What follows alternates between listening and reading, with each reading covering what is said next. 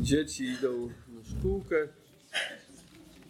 Miały też kazanie, takie bardziej dostosowane do nich. A my chciałbym, żebyśmy dzisiaj poszli do pierwszego listu apostoła Pawła do Tesaloniczan. Pierwszy list apostoła Pawła do Tesaloniczan, piąty rozdział, piąty rozdział, dwunasty i trzynasty wiersz. Jakiś czas temu mieliśmy takie tutaj w naszym kościele wybory uzupełniające do Rady Zboru. Nie wiem, czy pamiętamy jeszcze, ale mam nadzieję, że pamiętamy. I z tego powodu chciałem e, ze Słowa Bożego powiedzieć trochę na temat e, przywódców w Kościele. Rzadko na ten temat głosimy, a powinniśmy przypominać sobie te fragmenty Pisma Świętego, by Kościół mógł się we właściwy sposób rozwijać. Świat bardzo dobrze rozumie rolę przywództwa nie wiem, czy zauważyliście, ale właściwie w świecie chyba nie ma organizacji albo nie ma żadnego przedsięwzięcia, które nie miałoby przywództwa. W każde przedsięwzięcie, każda organizacja musi mieć przywództwo, żeby to mogło się rozwijać, żeby to mogło iść do przodu, żeby mogły być podejmowane decyzje. Mam wrażenie, że czasami w kościele nie mamy pewności, jak to z tym przywództwem jest, i e, nie zawsze rozumiemy jaka jest rola przywódców w kościele. I oczywiście świat inaczej zarządza, yy, inaczej zarządza tymi zadaniami, które zostały im powierzone. Pan Jezus powiedział, że często to przywództwo w świecie jest na sposób takiego narzucania autorytetu, prawda? Yy, zmuszania ludzi do jakichś działań. A Biblia mówi, że nie tak ma być między wami, tak? Ale jeśli kto chce być pierwszy, ma być sługą waszym, powiedział Pan Jezus. Czyli przywództwo w Kościele tym się różni od tego przywództwa w świecie, że w Kościele przywódcy przede wszystkim mają służyć ludziom. I chciałbym, żebyśmy e, przeczytali o tym, z tego, przeczytali pierwszy Tesaloniczan 5, 12 i 13. Tak, mamy Pismo Święte otworzone. Zachęcam, żeby spojrzeć, żeby śledzić tekst. I czytamy tak. A prosimy Was, bracia, abyście darzyli uznaniem tych, którzy pracują wśród Was, są przełożonymi Waszymi w Panu i napominają Was. Szanujcie ich i miłujcie jak najgoręcej dla ich pracy. Zachowujcie pokój między sobą. Pomodlę się, poproszę Pana Jezusa, żeby mnie prowadził. Panie, dziękujemy Ci za Twoje słowo i Pomóż mi wyjaśniać. Amen. Nie jest tajemnicą, że coraz częściej w naszym kościele mówi się o braku pastorów. Mówię o kościele chrześcijan baptystów. Niestety przeżywamy kryzys od jakiegoś czasu, od może 10 lat. E, nie mamy po prostu przywódców. Ktoś powiedział: Szanujmy naszych pastorów, bo tak szybko odchodzą. E, no niestety, no mamy taką sytuację, jaką mamy. Musimy modlić się do Boga. Pan Jezus powiedział, że mamy modlić się o pracowników, prawda, żeby Jezus powołał pracowników na żniwo swoje. Obecnie około 40% kościołów baptystycznych nie ma pastora i w wielu sytuacjach nie ma perspektyw na pracownika lub pracowników. Powodów tego jest wiele, ale z pewnością jednym z nich jest w wielu sytuacjach brak doceniania pracy przywódców w kościele, zarówno pastorów, jak i starszych, którzy pośród nas służą. Wielu przywódców, przywódców też zrezygnowało ze służby z różnych powodów. Czasami to były powody moralne. Teraz na przykład widzimy w kościele rzymskokatolickim, co się dzieje. Jest wiele takich powodów moralnych, że ludzie po prostu E, no, moralnie nie mają tego mandatu, żeby pełnić tą służbę i w naszych kościołach też się tak zdarza, w kościołach ewangelicznych, że po prostu niestety niektórzy pastorzy okazali się e, niegodni zaufania, więc e, odeszli, pozostawili służbę. Wielu przywódców też zrezygnowało z powodu ciągłego żalu i niezadowolenia oraz rozczarowania, jakie okazywały im ich kościoły. Muszę przyznać, że będąc pracownikiem kościoła, pastorem i starszym, sam tego kilka razy już doświadczyłem. Trzeba powiedzieć, że nie jest to nic nowego. Kongregacje wielokrotnie nie doceniały nawet najlepszych pracowników, którzy pośród nich służyli. W myśl zasady często cudze chwalicie, swego nie znacie. Niekiedy myśli się, że gdybyśmy mieli takiego lub innego lepsze przywództwo, lepszego pastora, lepszych starszych, lepszą radę zboru, lepszych przywódców, to służba naszego kościoła może rozwijałaby się bardziej dynamicznie, bardziej owocnie niż obecnie. Albo inaczej, problemy naszego kościoła wynikają ze słabego przywództwa. Niektórzy mówią. Niekiedy to może być prawda. Tak? Są takie sytuacje, że jest to prawda, że jest po prostu słabe przywództwo, które nie jest darzone autorytetem, tak jak powiedziałem, czy z powodów moralnych, czy z różnych innych powodów. I może być problem taki, ale także jest prawdą, że często nasze niezadowolenie wynika z naszej grzeszności i osobistych sympatii. Po prostu kogoś lubimy, kogoś nie lubimy, kogoś obdarzamy jakąś sympatią, kogoś nie. Podobnie już myśleli Izraelici o Mojżeszu. Jak czytacie Biblię, to wiecie, że Izraelici byli ciągle niezadowoleni z Mojżesza. Tak? Znaczna część ludzi była niezadowolona. Chociaż Mojżesz, Pismo mówi, był jednym z najlepszych przywódców. Tam Biblia mówi, że był najbardziej pokornym z ludzi, którzy wtedy mieszkali na ziemi. Tak? Czyli Mojżesz był bardzo pokorny, zresztą on nie chciał być przywódcą. Pamiętacie, jak go Bóg powołał? On ciągle mówi, Panie, ja nie umiem mówić, ja się do tego nie nadaję, Ty weź kogoś innego. A Bóg się uparł i mówi, to Ty musisz iść, prawda? No i Mojżesz był zmuszony przez Boga, żeby pełnić tą rolę, chociaż sam tej roli pełnić nie chciał. I z tego powodu, że Izraelici ciągle szemrali, narzekali, Mojżesz był często zniechęcony. Zobaczcie Księgę Liczb, 12 rozdział, e, od 12 wiersza, 12, przepraszam, 12 rozdział, pierwszy i drugi wiersz. To jest czwarta księga Mojżeszowa w Bibliach warszawskich, a w innych Bibliach księga liczb. I czytamy tak. Wtedy Miriam i Aaron zaczęli wypowiadać się przeciw Mojżeszowi. Przypomnę, że Miriam i Aaron to byli jego, było jego rodzeństwo, tak? siostra i brat. Wtedy Miriam i Aaron zaczęli wypowiadać się przeciw Mojżeszowi z powodu żony kuszytki, którą pojął, gdyż pojął za żonę kuszytkę. I mówili, czy tylko przez Mojżesza przemawiał Pan, czy także przez nas nie przemawia, a Pan to usłyszał. No i tam później Pan chciał ukarać, właściwie ukarał, Miriam ukarał trądem, prawda? Y, to więc y, no, były tego konsekwencje, że szemrali przeciwko Mojżeszowi. Aaron, Aaron i Miriam mieli pretensje do Mojżesza, że wziął sobie żonę z Etiopii, najwyraźniej czarnoskórą, i prawdopodobnie nie pochodziła ona z Izraela, tak myślę, chociaż też jest inne wyjaśnienie tego fragmentu. Polega na tym, że Aaron i Miriam byli niezadowoleni, że żona Mojżesza, Sypora, którą pojął mieszkając u Midianitów, pamiętacie jak uciekł y, z Egiptu to osiedlił się u Midianitów i ona dołączyła do niego podczas wędrówki Izraelitów po pustyni i miała może jakiś wpływ na jego służbę. I z tego powodu e, jego rodzeństwo Mojżesza było niezadowolone. To więc oskarżano Mojżesza o jakąś niestosowność lub niemoralność i pewnie nie skończyłoby się to dobrze, gdyby Bóg nie zareagował.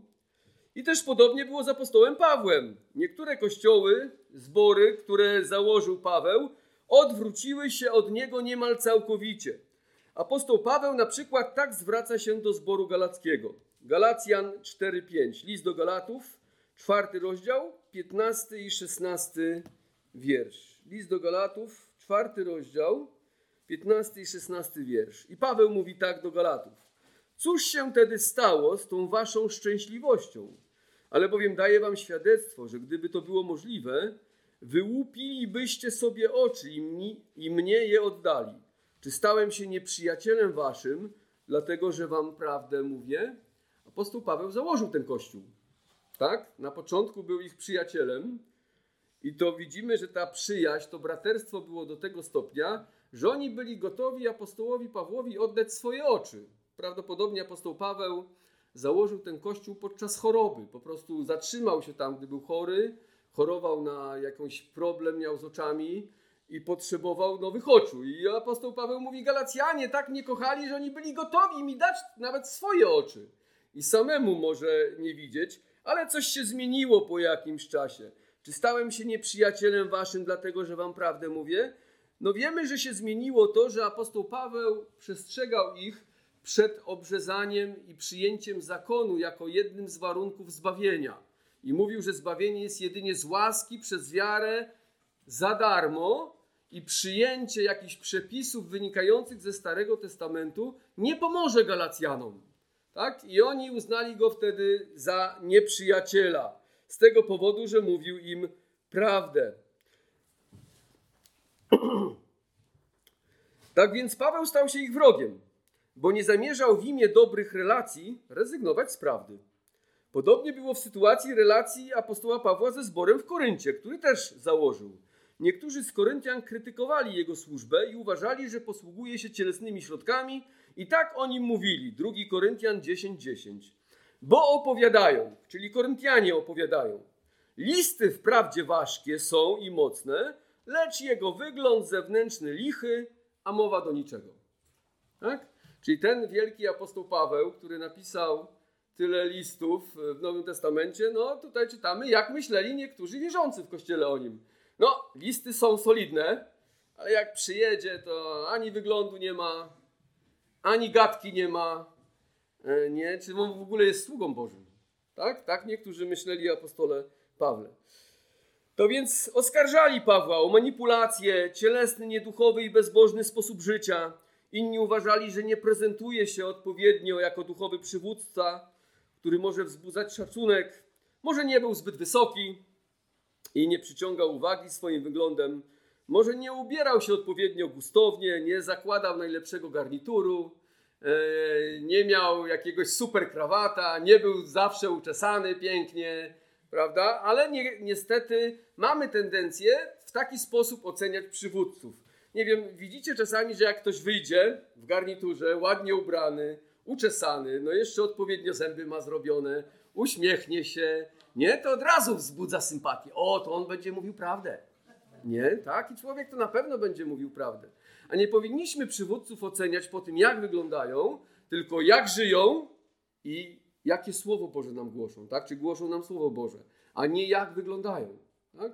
Bo Pan Jezus powiedział, że fałszywi nauczyciele, no niestety przychodzą jak wilki, ale w odzieniu owczym, czyli ładnie wyglądają, tak? Gdyby nie wzbudzali sympatii, to nikt by ich nie słuchał a dlatego, że maskują się dobrze, to wzbudzają sympatię. No i niektórzy właśnie nie lubili apostoła Pawła, dlatego że może nie wyglądał. Uważali, że powinien inaczej wyglądać, lepiej przemawiać, może powinien mieć lepsze kazania. Yy, I no, nie cieszył się autorytetem właśnie w niektórych yy, zborach. To więc mamy biblijne przykłady dwóch z bardziej namaszczonych przywódców od Boga, których autorytet nie został przez wielu rozpoznany, a ich służba niestety była krytykowana. W historii, w historii Kościoła także znajdujemy wiele podobnych przykładów. Pewnie słyszeliśmy o takim człowieku jak Jonathan Edwards, który jest uważany dzisiaj za jednego z najlepszych kaznodziejów XVIII wieku. I jednego z jednym jest z największych teologów w historii Kościoła, Służył on 23 lata w jednym z kościołów, aż do chwili, gdy jego kościół uznał, że Jonathan mówi straszne herezje, gdy twierdzi, że przystępowanie do wieczerzy pańskiej nie gwarantuje nikomu zbawienia. Tak? Czyli tak, komunii wieczerzy pańskiej. Niektórzy uważają, że jeśli ktoś pije wino, bierze chleb, tak, to na pewno będzie zbawiony, a Jonathan mówił, że nie, że to tak naprawdę wiara sprawia, czy znasz Chrystusa, czy nie. W końcu Jonathana usunięto z kościoła i robiono wszystko, co było w mocy jego przeciwników, by zniszczyć jego reputację, tak żeby żaden kościół nie przyjął go na pastora.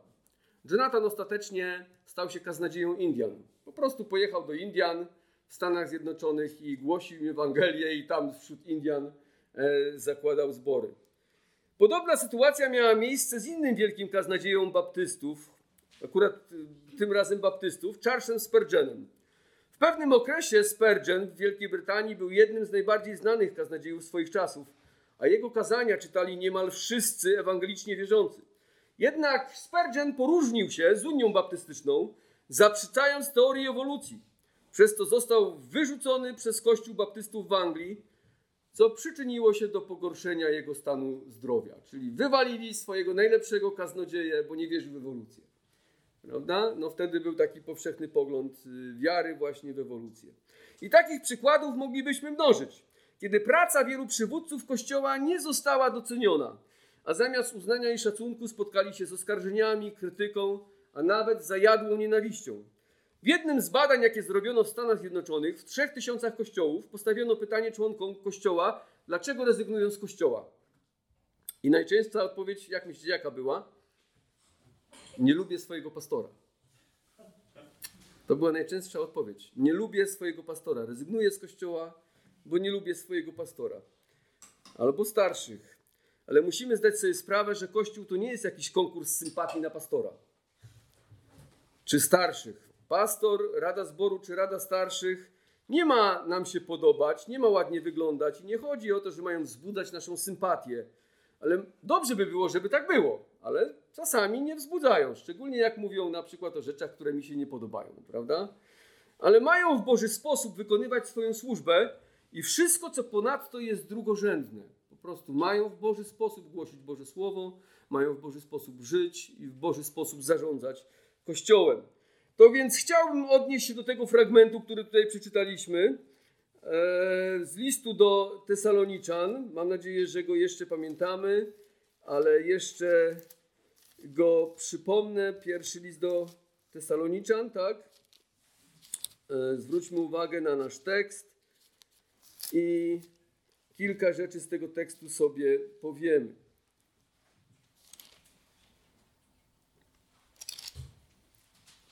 A prosimy was, bracia, abyście darzyli uznaniem tych, którzy pracują wśród was, są przełożonymi waszymi w Panu i napominają was. Szanujcie ich i miłujcie jak najgoręcej dla ich pracy, zachowujcie pokój między sobą. Czyli pierwsza rzecz, jaką widzimy w naszym fragmencie, ceńmy przywódców ze względu na ich pracę. Słowo Boże wzywa nas, byśmy cenili naszych przywódców, darzyli uznaniem z powodu służby. Zbyt często w Kościele myśli się o Bożych pracownikach podobnie jak myśli świat. Na przykład, że są darmozjadami, że co to jest za robota, zwiastować Słowo Boże, czy zajmować się duszpasterstwem, opiekować się społecznością, na przykład organizować różne wydarzenia w Kościele, czy napominać krnąbrnych.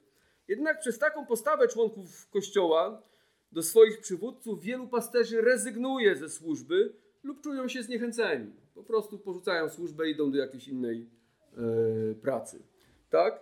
Pierwszym obowiązkiem Kościoła i naszą odpowiedzialnością, mówi Paweł przed Bogiem, swoich przywódców, czy to pastor, czy rada zboru lub rada starszych, jest doceniać ich pracę. A prosimy Was, bracia, abyście darzyli uznaniem tych, którzy pracują wśród Was. Doceniaj ich pracę, otocz ich szacunkiem.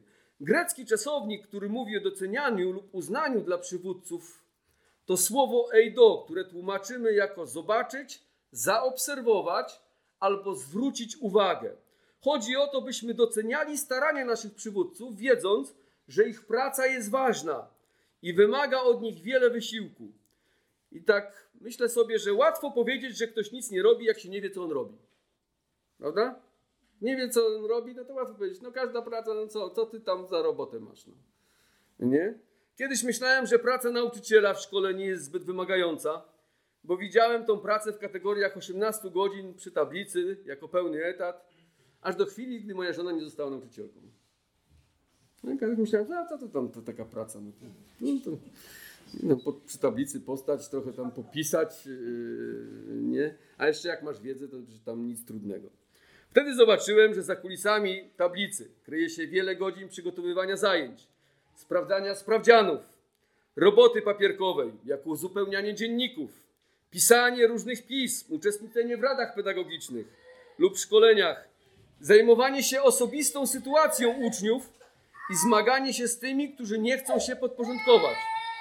I to pozwoliło mi bardziej docenić tą pracę i zrozumieć, jak wiele wysiłku trzeba, żeby ją wykonywać. Zajrzałem za kulisy tej pracy, prawda? Póki nie widziałem, co robią nauczyciele, no to myślałem, że to nic trudnego, ale jak zajrzałem za kulisy, tak? Ile tej pracy jest poza tą tablicą, którą ja tylko dostrzegałem, to zobaczyłem, że tam jest mnóstwo roboty. I, nie? I dzisiaj moja córka mówi, nie chciałabym być nauczycielką. Jak patrzy na moją żonę, to mówi, ja nie chcę, nie chcę być nauczycielką. E, nie? I podobnie jest często z pracą przywódców Kościoła. Apostoł Paweł wzywa nas, byśmy zobaczyli ich wysiłek. przyjrzeli się temu, co robią i ile robią, zaglądając za zaplecze ich warsztatu. Możemy ich zaprosić na obiad, wspólny spacer, spędzić z nimi trochę czasu, spytać o ich obowiązki i tym podobne. Na przykład widzicie mnie tu dzisiaj, jak zwiastuję wam Słowo Boże i nie trwa to zbyt długo, powiedzmy od pół godziny do godziny, ale niewielu z was wie, że spędziłem 14-15 godzin na przygotowaniu tego nauczania. Tak? Czyli dwa dni prawie musiałem siedzieć, żeby pracować nad tym yy, kazaniem. Jakoś nie jest tak, że wykłady czy kazania spadają mi z nieba.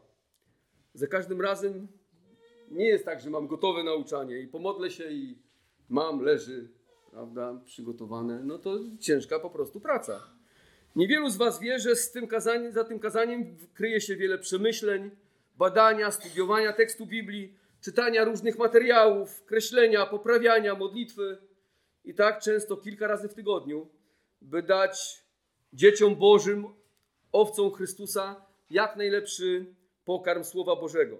Nie wiem, czy wiesz, ale ci, którzy zajmują się zwiastowaniem Słowa, czy w jakikolwiek sposób przewodzą ludziom w Kościele, nie tylko muszą zmagać się z tekstem biblijnym, lub żeby przygotowywać nauczania, ale zmagają się również z wieloma innymi rzeczami.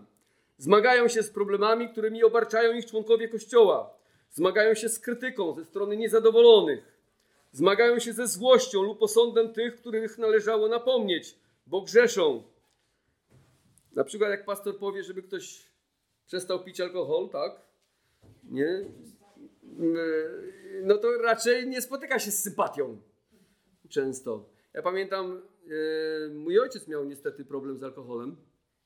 E, no i ksiądz przychodził e, po kolędzie do nas do domu. On zawsze był odpowiednio przyjmowany. Jeszcze ja wychowałem się w takich czasach, kiedy duchowni katolicy cieszyli się bardzo dużym autorytetem, szczególnie na wsi, gdzie ja się wychowywałem. I mój, ksiądz wiedział, że mój ojciec tam no, jest na bakier, jeśli chodzi tutaj o te kwestie związane z że bycia abstynentem i popija sobie i czasami też jakieś awantury domowe z tego powodu e, mieliśmy. No ale nigdy nie miał odwagi mu powiedzieć. Prawda? No, ojcze nasz, zdrowaś Mario, prawda? Nie, no, dziękuję, do widzenia, koperta do kieszeni i, i następny dom. I ja pamiętam, jak byłem dzieckiem, już miałem trochę żal. Czemu on nie może powiedzieć mojemu tacie, jak należy być dobrym ojcem, tak? Jak należy być dobrym mężem? Skoro to jest autorytet, przychodzi do naszego domu, no bo mojej mamy już nie słuchał, dzieci już nie słuchał, ale może księdza, tak, by posłuchał, e, nie? I to jest też rola duszpasterzy, żeby po prostu napominać. Nie tylko duszpasterzy, ale wszystkich nas to jest rola, żeby napominać krnobnych. No ale niestety duszpasterze najczęściej muszą e, to robić. I wtedy zmagają się z niezadowoleniem tych, którzy zostaną napomniani. A naprawdę często spraw jest sporo. Ze swojego doświadczenia mogę powiedzieć, że oprócz nauczania są to sprawy duszpasterskie, organizacyjne, papierkowe, urzędowe, reprezentacyjne. Przywódcom też, jeśli są bożymi przywódcami, towarzyszy ciągła troska o zbór. Presja, która spoczywa na ich sercu, by dobrze się rozwijał, by jego członkowie wzrastali i chodzili blisko Pana. Zobaczcie, co apostoł Paweł powiedział w liście do Koryntian, odnośnie właśnie tej presji, która spoczywała na jego sercu. To jest 2 Koryntian 11, 28, 29. Mówi tak, pomijając te sprawy zewnętrzne, czyli tam mówi o prześladowaniach, tak, o jakichś trudnościach związanych ze służbą i teraz mówi, pomijając te sprawy zewnętrzne, pozostaje codzienne nachodzenie mnie, troska o wszystkie zbory. Jeśli kto słabnie, czyli ja nie słabnę, jeśli kto się potknie, czyli czy i ja nie płonę, Czyli apostoł Paweł przejmował się, jeśli ludzie w jakiś sposób cierpieli, jeśli ludzie upadali, jeśli mieli jakieś problemy osobiste, czy popadali w grzech. I powiem wam, że nie da się od tego, od tego uciec. Nie da się tego zostawić, nie da się o tym zapomnieć, wyjść z pracy, zamknąć drzwi i się od tego odciąć. Troska o zbór wciąż jest na sercu przywódcy i starszych i chodzą z tą troską 24 godziny na dobę. To więc jak ktoś ma problemy, no po prostu ludzie, którzy kochają innych, przejmują się. Tak? Modlą się, przejmują się, zastanawiają się, jak będzie w ich życiu, czy się ułoży, czy ta siostra i brat jakoś sobie poradzą, a co moglibyśmy zrobić, żeby sobie poradzili. No nie zawsze jesteśmy w stanie cokolwiek zrobić, ale jeśli jesteśmy w stanie cokolwiek zrobić, chcemy to robić. Tak? A jeśli nie udaje się, to też to przecież nie pozostawia, nie pozostanie bez wpływu na przywódców i na tych, którzy kochają inne osoby. Więc doceniajmy to, że noszą odpowiedzialność, wspierajmy naszych pracowników, by obciążenie, które Bóg złożył na ich sercu, było łatwiejsze do niesienia. Powstrzymujmy się przed postawą krytykanstwa, narzekania, szemrania i przyglądania się z daleka, by wytykać komuś to, co mu nie wyszło, czy twierdzić, że coś zrobiłbyś lepiej. Jeśli uważasz, że zrobiłbyś coś lepiej, to co? To zrób. Jeśli uważasz, że zrobiłbyś coś lepiej, to po prostu zrób. I będzie lepiej. Prawda? Oczywiście przywódcy nie są poza jakąkolwiek krytyką. To też musimy podkreślić. Też popełniają błędy i grzechy. Dlatego też, jak sądzę, Nowy Testament mówi o przywództwie zbiorowym, że jest zabezpieczeniem dla nich samych i społeczności. Jestem przeciwny przywództwu pojedynczym osobom. Uważam, że Nowy Testament mówi o przywództwie zbiorowym. Jest to zabezpieczeniem zarówno dla przywódców, jak i dla Kościoła. Zdarzają się również fałszywi pasterze, tak jak mówiłem, wilki w owczych skórach, przed którymi Pan Jezus przestrzegał w siódmym rozdziale Ewangelii Mateusza. Takich należy rozpoznać i usunąć. Jeśli stwierdzimy, że ktoś jest oszustem, że ktoś nie nadaje się na, do przewodzenia, to po prostu powinniśmy takich ludzi rozpoznać i pozbawić ich autorytetu. Ale również należy pamiętać o zasadzie z pierwszego listu Pawła do Tymoteusza 5:19. Przeciwko starszemu skargi nie przyjmuj, chyba że jest ona oparta na zeznaniu dwóch lub trzech świadków. Zbyt wiele zborów diabłu udało się zniszczyć tylko dlatego, że dano wiarę fałszywym oskarżeniom wobec pastora lub starszych. Po prostu ci ludzie są na celowniku świata i szatana. Czasami wystarczy jedno bezpodstawne oskarżenie wobec przywództwa, by doprowadzić do kryzysu w całym kościele. Tak? Akurat to nie dotyczy przywództwa, ale kiedyś miałem sytuację, że przyszedł do mnie człowiek, którego dziewczynka oskarżyła o pedofilię. Niestety trafił do więzienia na kilka miesięcy. Zanim sprawa się wyjaśniła i okazało się, że to było fałszywe oskarżenie, dziewczynka miała 12 lat, przychodziła do córki tego chłopaka, no i ten ojciec uważał, że ta dziewczynka ma zły wpływ na jego córkę i zabronił jej przychodzić do tej córki. I ona po prostu rzuciła takie oskarżenie, że on ją molestował. I zanim sprawa się wyjaśniła, facet pół roku siedział w więzieniu, został zgwałcony i po prostu zniszczono jego życie. Wywalono go z pracy, zniszczono całkowicie jego autorytet i chciał niestety popełnić samobójstwo.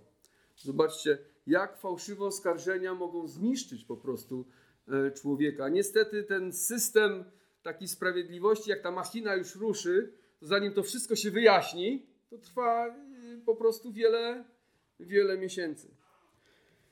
E, też apostoł Paweł mówi w naszym fragmencie, że Bóg dał przywódcom swój autorytet. Bóg dał przywódcom swój autorytet. A prosimy Was, bracia, abyście darzyli uznaniem tych, którzy pracują wśród Was i są przełożonymi Waszymi. Są przełożonymi Waszymi, mówi apostoł Paweł. Powinniśmy ich szanować, pastorów, radę zboru, radę starszych, bo Bóg dał im swój autorytet nad nami. Szanuj ich, bo przez nich Bóg sprawuje swoją władzę w kościele.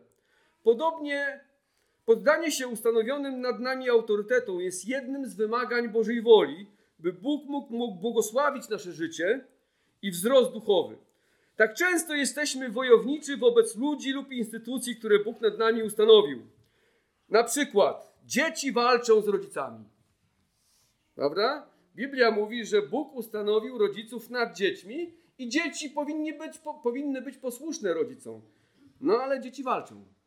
Nie chcą być posłuszne. No jeszcze jak są małe, to słuchają powiedzmy tam do piątego, siódmego roku życia, ale później już są nastolatkami, już nie chcą słuchać, prawda? Dzieci walczą z rodzicami, z, ro, z rodzicami. Żony walczą z mężami. Tak? No właśnie. Czasami jest tak, że w rodzinie żony z mężami, a Biblia mówi też, że mężczyzna powinien być głową domu. Rodzice znowu walczą przeciw państwu. Prawda? Nie, coś się nie podoba, zaraz wielka afera. Pracownicy przeciw pracodawcom. To złodziej, Kradnę, bo on też mnie okrada. Prawda? E, źle mi płaci. No i na szefa tam jeszcze kilka wiązek. Ludzie w kościele często walczą przeciw starszym lub pastorowi, albo między sobą. Chrześcijanie, Biblia mówi, mają się charakteryzować uległością w stosunku do Boga, władzy, przełożonych w kościele, autorytetów w rodzinie i wobec siebie nawzajem. Bóg wybrał przywódców w zborach, by prowadzili jego kościół i kierowali nami. Pilnowali doktryny oraz wytyczali kościołowi właściwy kurs. Apostoł Paweł mówi, że te osoby pracują wśród was i są naszymi przełożonymi. Dosłownie znaczy to, że Bóg postawił ich nad nami, by nami przewodzili w służbie dla Boga. O to chodzi. Nowy Testament używa trzech słów na określenie przewodzących w kościele. To jest episkopos, czyli nadzorca lub człowiek wyznaczony do pilnowania. Tłumaczone czasami jak w naszych Bibliach biskup, tak? Biskup niech to będzie mąż jednej żony, tak?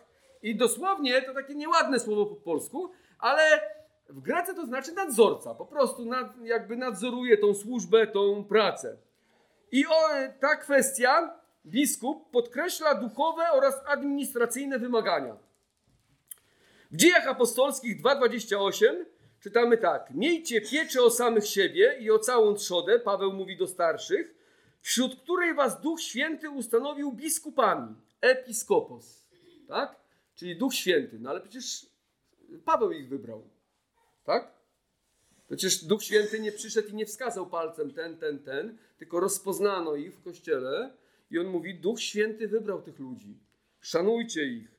Tak? Bo wybrał ich, aby oni paśli zbór pański, nabyty własną jego krwią. Słowo to występuje jeszcze w 1 Tymoteusza 3:2 i Tytusa 1:7, gdzie Paweł przedstawia kwalifikacje dla starszych. Inne słowo tłumaczone na określenie tego samego urzędu to presbiteros. Dzisiaj mówimy presbiter na przykład, tak? Ale to jest to samo co biskup, tłumaczone jako starszy i czytamy o tym w dziejach apostolskich 20:17. A posławszy z Miletu do Efezu, wezwał starszych, presbiteros zboru.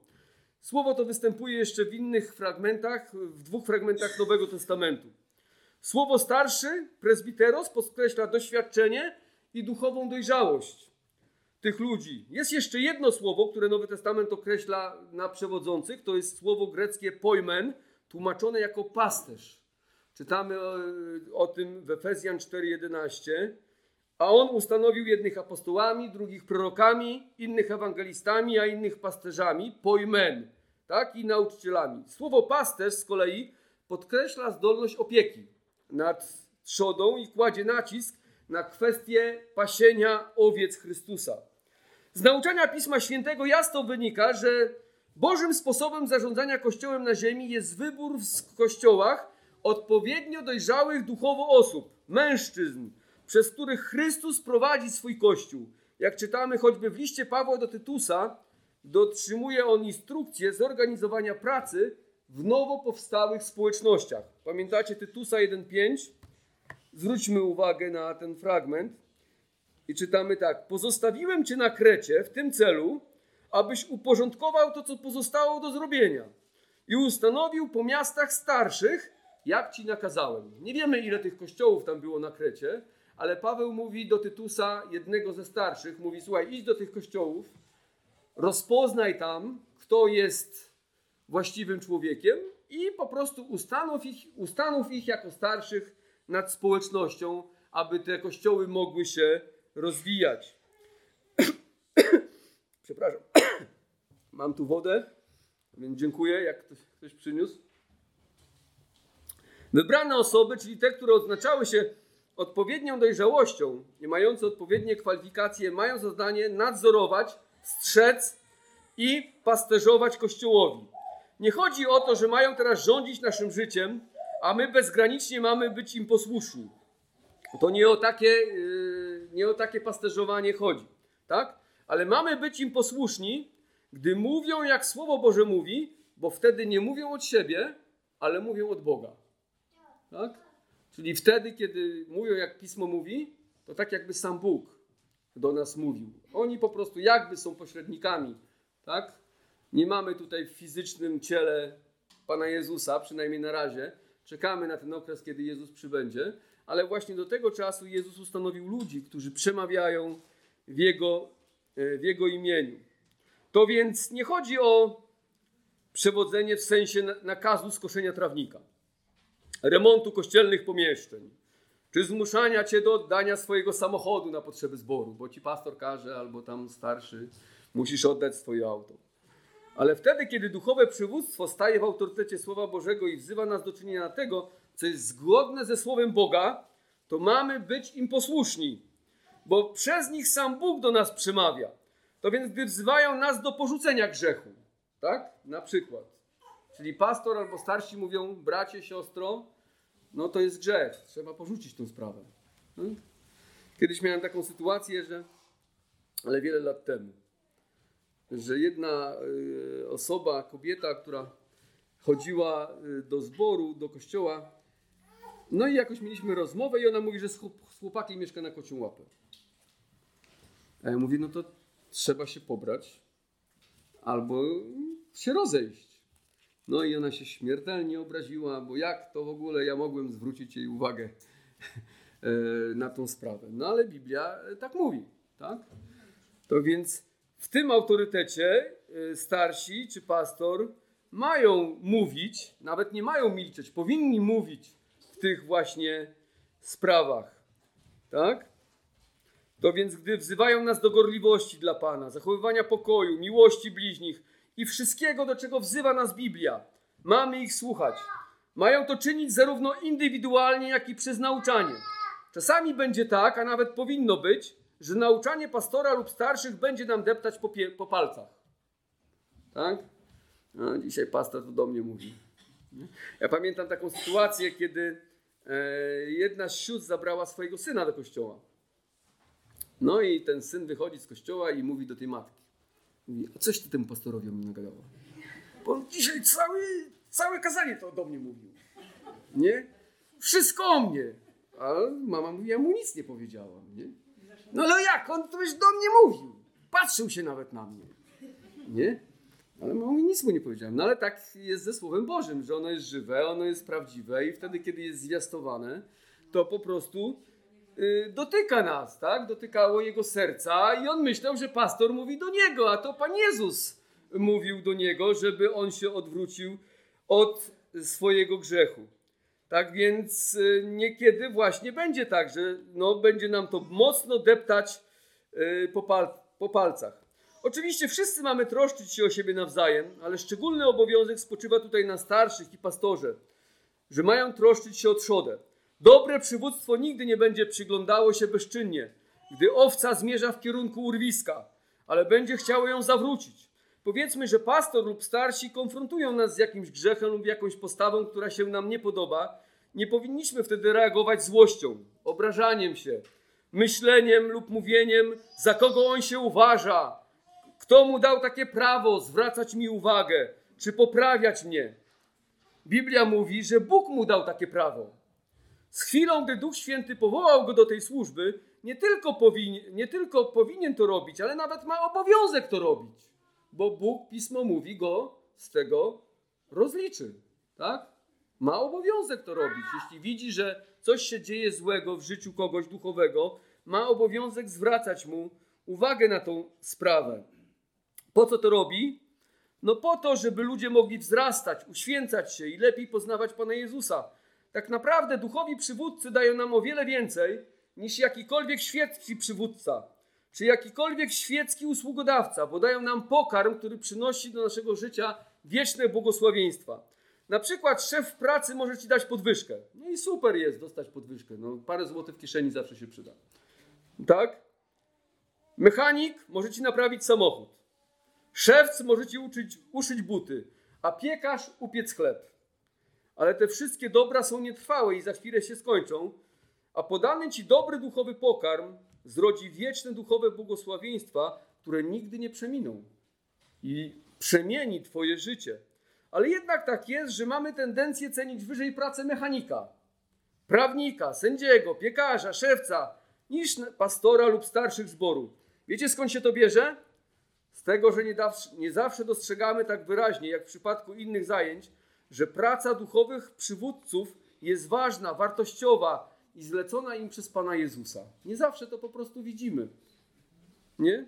Musimy wiedzieć, że praca piekarza przynosi fizyczne owoce, a praca duchowych przewodników, owoce duchowe, jednak dla wielu to, co fizyczne, jest bardziej realne od duchowego, bo Biblia mówi, że fizyczne widać, a duchowego nie widać. No modlę się już miesiąc i nic, żadnych zmian. Prawda? No mówią, módl się w kościele. No ja już się modlę i tyle się modlę i wciąż nie widzę, żeby coś się zmieniło. No? Dlatego, że potrzeba czasu często. I to są duchowe przemiany w sercach ludzi, ale z czasem widać, prawda, że ludzie się przemieniają, ich serca się przemieniają, ich umysły się przemieniają i bliżej Boga są, jeśli to jest właściwe nauczanie. Szacunek dla przywódców nie ogranicza się tylko do tego, że powinniśmy być dla nich mili, czy ich nie obmawiać, ale mamy otaczać ich modlitwą, doceniać ich pracę, choćby angażować się w, organizowanie, w organizowane działania, czy brać udział w nabożeństwach i spotkaniach, by ich wspierać. Dosyć często, gdy ludzie obrażą się na pastora lub starszych, to przestają przychodzić do kościoła, żeby pokazać, co o nich myślą. Nie, nie będę tu przychodził, nie? bo ja cię nie lubię. Ale to nie jest postawa szacunku, jakiej mówi Słowo Boże. Jeśli nawet się nie zgadzamy w czymś, w jakichś kwestiach, rozmawiajmy ze sobą. Poznajmy się lepiej, byśmy mogli się zrozumieć. Widzę, że najczęściej różnice wynikają z problemu komunikacji. Po prostu mało ze sobą rozmawiamy, nie znamy się. Czasami się okazuje, że myślimy o tym samym, ale inaczej to wyrażamy i inaczej o tym mówimy. Podobnie o autorytecie przywódców mówi autor listu do Hebrajczyków. Hebrajczyków 13:17. Bądźcie posłuszni przewodnikom waszym i bądźcie im ulegli. Oni to bowiem czuwają nad duszami waszymi i zdadzą z tego sprawę. Niechże to czynią z radością, a nie ze wzdychaniem, gdyż to wyszłoby wam na szkodę. Tak? Bądźcie posłuszni przewodnikom, niech oni to czynią z radością, tak, a nie wzdychaniem. Kiedy ze wzdychaniem y, prowadzący pełnią służbę? No, kiedy ludzie nie chcą słuchać, kłócą się, prawda, są problemy, no i wtedy ze wzdychaniem, nie? A już mam dosyć tej roboty. Nie? Idę worki nosić na kolej, na pociągi. Musimy wiedzieć, że poddając się pod autorytet starszych w kościele, tych, którzy nam przewodzą, nie poddajemy się pod autorytet ludzi, ale Boga. Niektórzy mówią, że nie będę słuchał przywódców w kościele, pastora, starszych, rady zboru, bo ja słucham Pana Jezusa. Słyszeliście o takich y, osobach? Mówią tak, nie? Ja do Pana Jezusa tylko słucham. Nikogo nie słucham. To teraz posłuchajmy, co mówi Pan Jezus. Bądźcie posłuszni przewodnikom waszym i bądźcie im ulegli. To powiedział Duch Święty, tak, przez autora listu do Hebrajczyków. To więc słuchać Pana Jezusa to znaczy słuchać naszych przewodników. Jeśli oczywiście prowadzą nas w sposób biblijny. To jest ta granica. Nie mamy obowiązku ich słuchać, kiedy wzywają nas do czynienia rzeczy niezgodnych ze Słowem Bożym. Nie powinni oni również sprawować władzy w Kościele na sposób świecki, panując nad nami silną ręką, podporządkowując sobie ludzi, strasząc ich, czy narzucając swój autorytet, ale raczej łagodnie służyć w miłości, wstąpić na drogę pokory i w ten sposób dawać przykład. Tak jak często zaleca Paweł Tymoteuszowi, we wszystkim bądź wzorem, prawda? Tam e, dla, dla innych. Weźmy również pod uwagę, że Słowo Boże nie mówi, że bądźmy posłuszni tylko tym, których lubimy, albo tym, którzy nam się podobają, albo takim, którzy głoszą fajne kazania, albo fajnie opowiadają i wzbudzają naszą sympatię. No nie. Mamy być posłuszni tym, którzy zostali rozpoznani przez Kościół i wybrani jako ci, co mają nam przewodzić. Te osoby mają prawo w Kościele wytyczać nam kierunek, nauczać słowa, napominać, karcić lub ganić, jeśli zachodzi taka potrzeba, i mają to czynić z pokorą i cierpliwością. Tak mówi Pismo Święte. Oczywiście nie mogą cię też obrażać. Tak? Mają to czynić z pokorą i być cierpliwymi w stosunku też do tych, którzy są krnobrni. Kolejna rzecz, mamy miłować naszych przywódców. Zobaczcie, to jest kolejna rzecz w naszym fragmencie. W trzynastym wierszu apostoł Paweł mówi, że nie tylko mamy okazywać im zwykły szacunek, ale mówi: szanujcie ich i miłujcie jak najgoręcej dla ich pracy. Czym to się różni od tego, co jest w dwunastym wierszu? Abyśmy Bożych przywódców darzyli uznaniem. W dwunastym wierszu apostoł Paweł bardziej skupia się na uznawaniu pracy przywódców, a także na wynagradzaniu tej pracy, co zostało też wspomniane w liście do Tymoteusza, że tym przywódcom, którzy dobrze swój urząd sprawują, należy się podwójna cześć i dalej jest powiedziane, że godzien jest robotnik zapłaty swojej. Jest to szacunek, który bardziej dotyczy tego pragmatycznego, umysłowego podejścia. Coś w rodzaju szanuję szefa, bo jest moim szefem. I tak należy. Tak? Czyli nawet szanuję rodzica, może nie zgadzam się, ale jest moim rodzicem. I powinienem go szanować. Bóg ustanowił tą osobę e, nade mną. Ale w trzynastym wierszu Paweł wzywa nas do miłości wobec przywódców. Nie tylko mamy czynić, bo tak trzeba, ale miłować ich, bo są naszymi braćmi i podjęli się prowadzenia nas. Czyli można szanować rodzica, bo jest naszym rodzicem, ale można też kochać rodzica, nie tylko szanować go, bo jest naszym rodzicem, bo daje nam jeść, prawda? Bo nie wiem, kupuje nam ubrania, bo opiekuje się nami, ale dlatego, że to jest mój tata. Dlatego, że to jest moja mama, kocham ich, prawda? I będę szanował tych ludzi. E, nie? Nie dlatego, że tak trzeba, ale dlatego, że ich kocham. I o tym mówi apostoł Paweł wobec właśnie tych, którzy sprawują tą rolę przełożonych. Należy ich miłować, to więc nie tylko umysł ma być zaangażowany w szacunek do przywódców, ale i serce. Nie tylko będę pastora, radę zboru, radę starszych uznawał, bo zostali wybrani większością głosów, ale będę im pomagał, będę ich wspierał, będę im błogosławił, będę ich miłował gorąco i modlił się o nich, bo Bóg ich wybrał. To właśnie ma na myśli Paweł, mówiąc: miłujcie ich jak najgoręcej. Inne przykłady mówią: otoczcie ich szczególną miłością. Otoczcie tych ludzi szczególną miłością. Tak zrobili Galacjanie wobec Pawła, pamiętacie? Mówił Paweł, że byli gotowi mu oddać co? Oczy. Ale później coś się zmieniło. Ale na początku właśnie tak zrobili. Otoczyli Pawła szczególną miłością. I ostatnia rzecz, która wynika z naszego dzisiejszego fragmentu Słowa Bożego, to pozwól przywódcom pracować w pokoju. Tak? Pamiętacie? Czytaliśmy? Zachowujcie pokój między sobą. Pozwól przywódcom pracować w pokoju. Paweł mówi, że mamy zachowywać pokój między sobą. Niewiele rzeczy bardziej rozdziela serce pastora, rady starszych czy rady zboru, jak skłócony i podzielony zbór. Wierzcie mi, to wielkie obciążenie dla przywódców, gdy są w społeczności kłótnie, zazdrość, obmowy, plotki, oszczerstwa, wzajemne oskarżenia, arogancja, duma i pycha. Wiele lat temu, gdy zaczynałem pracę duszpasterską w małym miasteczku i doszło tam do podziałów w kościele, źle się czułem fizycznie, miałem duszności i miałem ucisk serca. Poszedłem do lekarza, lekarz mnie przybadał, Mówi, wie pan, no ja tutaj nic specjalnego nie widzę, żeby coś panu dolegało, ale wynika to, y, prawdopodobnie jest to stres. Ma pan jakieś po prostu jakieś problemy e, ze stresem. No i tam był wywiad i pytał się mnie e, odnośnie tych stresowych. Ja tam nie mówiłem o szczegółach, ale mi wydawało się, że aż mnie tak to nie obciąża. Tak, nie? Myślałem, że to są jakieś dolegliwości właśnie takie wynikające może z diety, może nie wiem, z braku ruchu, braku ruchu, czy jeszcze z innych rzeczy, może jakaś choroba. A mi nie kojarzyłem tego ze stresem. A jednak było inaczej. To odbijało się na moim zdrowiu. Wewnątrz czułem się przejęty całą sytuacją, podobnie jak apostoł Paweł, gdy miał przyjść do Koryntian. Zobaczcie, co on powiedział. 2 Koryntian 12, 20.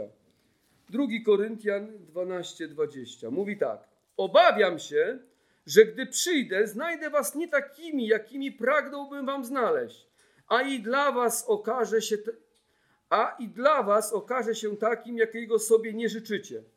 Żeby przypadkiem nie było wśród was sporów, zazdrości, gniewu, niewłaściwego współzawodnictwa, obmów, szemrania, wynoszenia się. Paweł był pełen niepokoju i obaw, gdy miał przyjść do Koryntian, bo chrześcijanie koryncy zamiast dbać o pokój między sobą, to zajmowali się walkami, plotkami, sporami i to niszczyło Kościół. I on wcale nie chciał tam iść, ale wiedział, że musi tam iść. Tak? To są jego dzieci jakieś duchowe, które zrodził i którym trzeba było poukładać tą pracę w kościele, żeby mogli jakoś się dogadać. Taka sytuacja jest bardzo trudna dla wszystkich przywódców i sprawia, że są pogrążeni w smutku. Dlatego szanuj swoich przełożonych przez dbanie o pokój w kościele. Jak powiedział kiedyś jeden ze znanych kaznodziejów, John MacArthur, nieszczęśliwy pastor czy nieszczęśliwi przywódcy prowadzą do nieszczęśliwego zgromadzenia. No po prostu, niestety tak jest. Tak? Smutek i przygnębienie ludzi prowadzących Kościół będzie chcąc nie chcąc udzielać się całemu Kościołowi. A jak mówi autor listu do Hebrajczyków w 13 rozdziale, to wyszłoby komu na szkodę? Wszystkim. To wyszłoby wam na szkodę, gdyby nasi przywódcy służyli nam ze wzdychaniem i obciążeniem, a tego przecież nie chcemy. Tak więc podsumowując, cztery rzeczy sobie powiedzieliśmy. Po pierwsze, ceńmy przełożonych ze względu na ich pracę, bo zwiastują nam Słowo Boże i podjęli się prowadzenia zboru. Po drugie, ceńmy przełożonych, bo Bóg dał im swój autorytet nad nami i sprawują posługę w imieniu Jezusa. Słuchanie ich w granicach Słowa Bożego to słuchanie samego Boga. Niesłuchanie zaś to nieposłuszeństwo Chrystusowi. Oczywiście te granice Słowa Bożego, bo to jest tutaj bardzo, bardzo ważne. Tak? Po trzecie, ceńmy przełożonych nie tylko z powodów pragmatycznych, bo tak trzeba, ale miłujmy ich gorąco przez wspieranie ich pracy, zachętę, pomoc, modlitwę i błogosławieństwo. I po czwarte, ceńmy naszych przywódców przez zachowywanie pokoju między sobą. Niewiele rzeczy rozdziela serce braci prowadzących Kościół, jak spłucony zbór. A tego nie chcemy. Amen. Zachęcam do powstania i do modlitwy. Panie nasz, bardzo Tobie dziękujemy za to, że mówisz nam o tak. Mówisz nam, w jaki sposób zarządzasz swoim kościołem i pomóż nam e, stosować się do tych słów. Boże, dzisiejsze zwiastowanie było bardzo praktyczne. Tak więc pomóż nam zastosować to w praktyce. Pomóż nam prowadzić pokój między sobą. Pomóż tym, którzy zarządzają tym kościołem,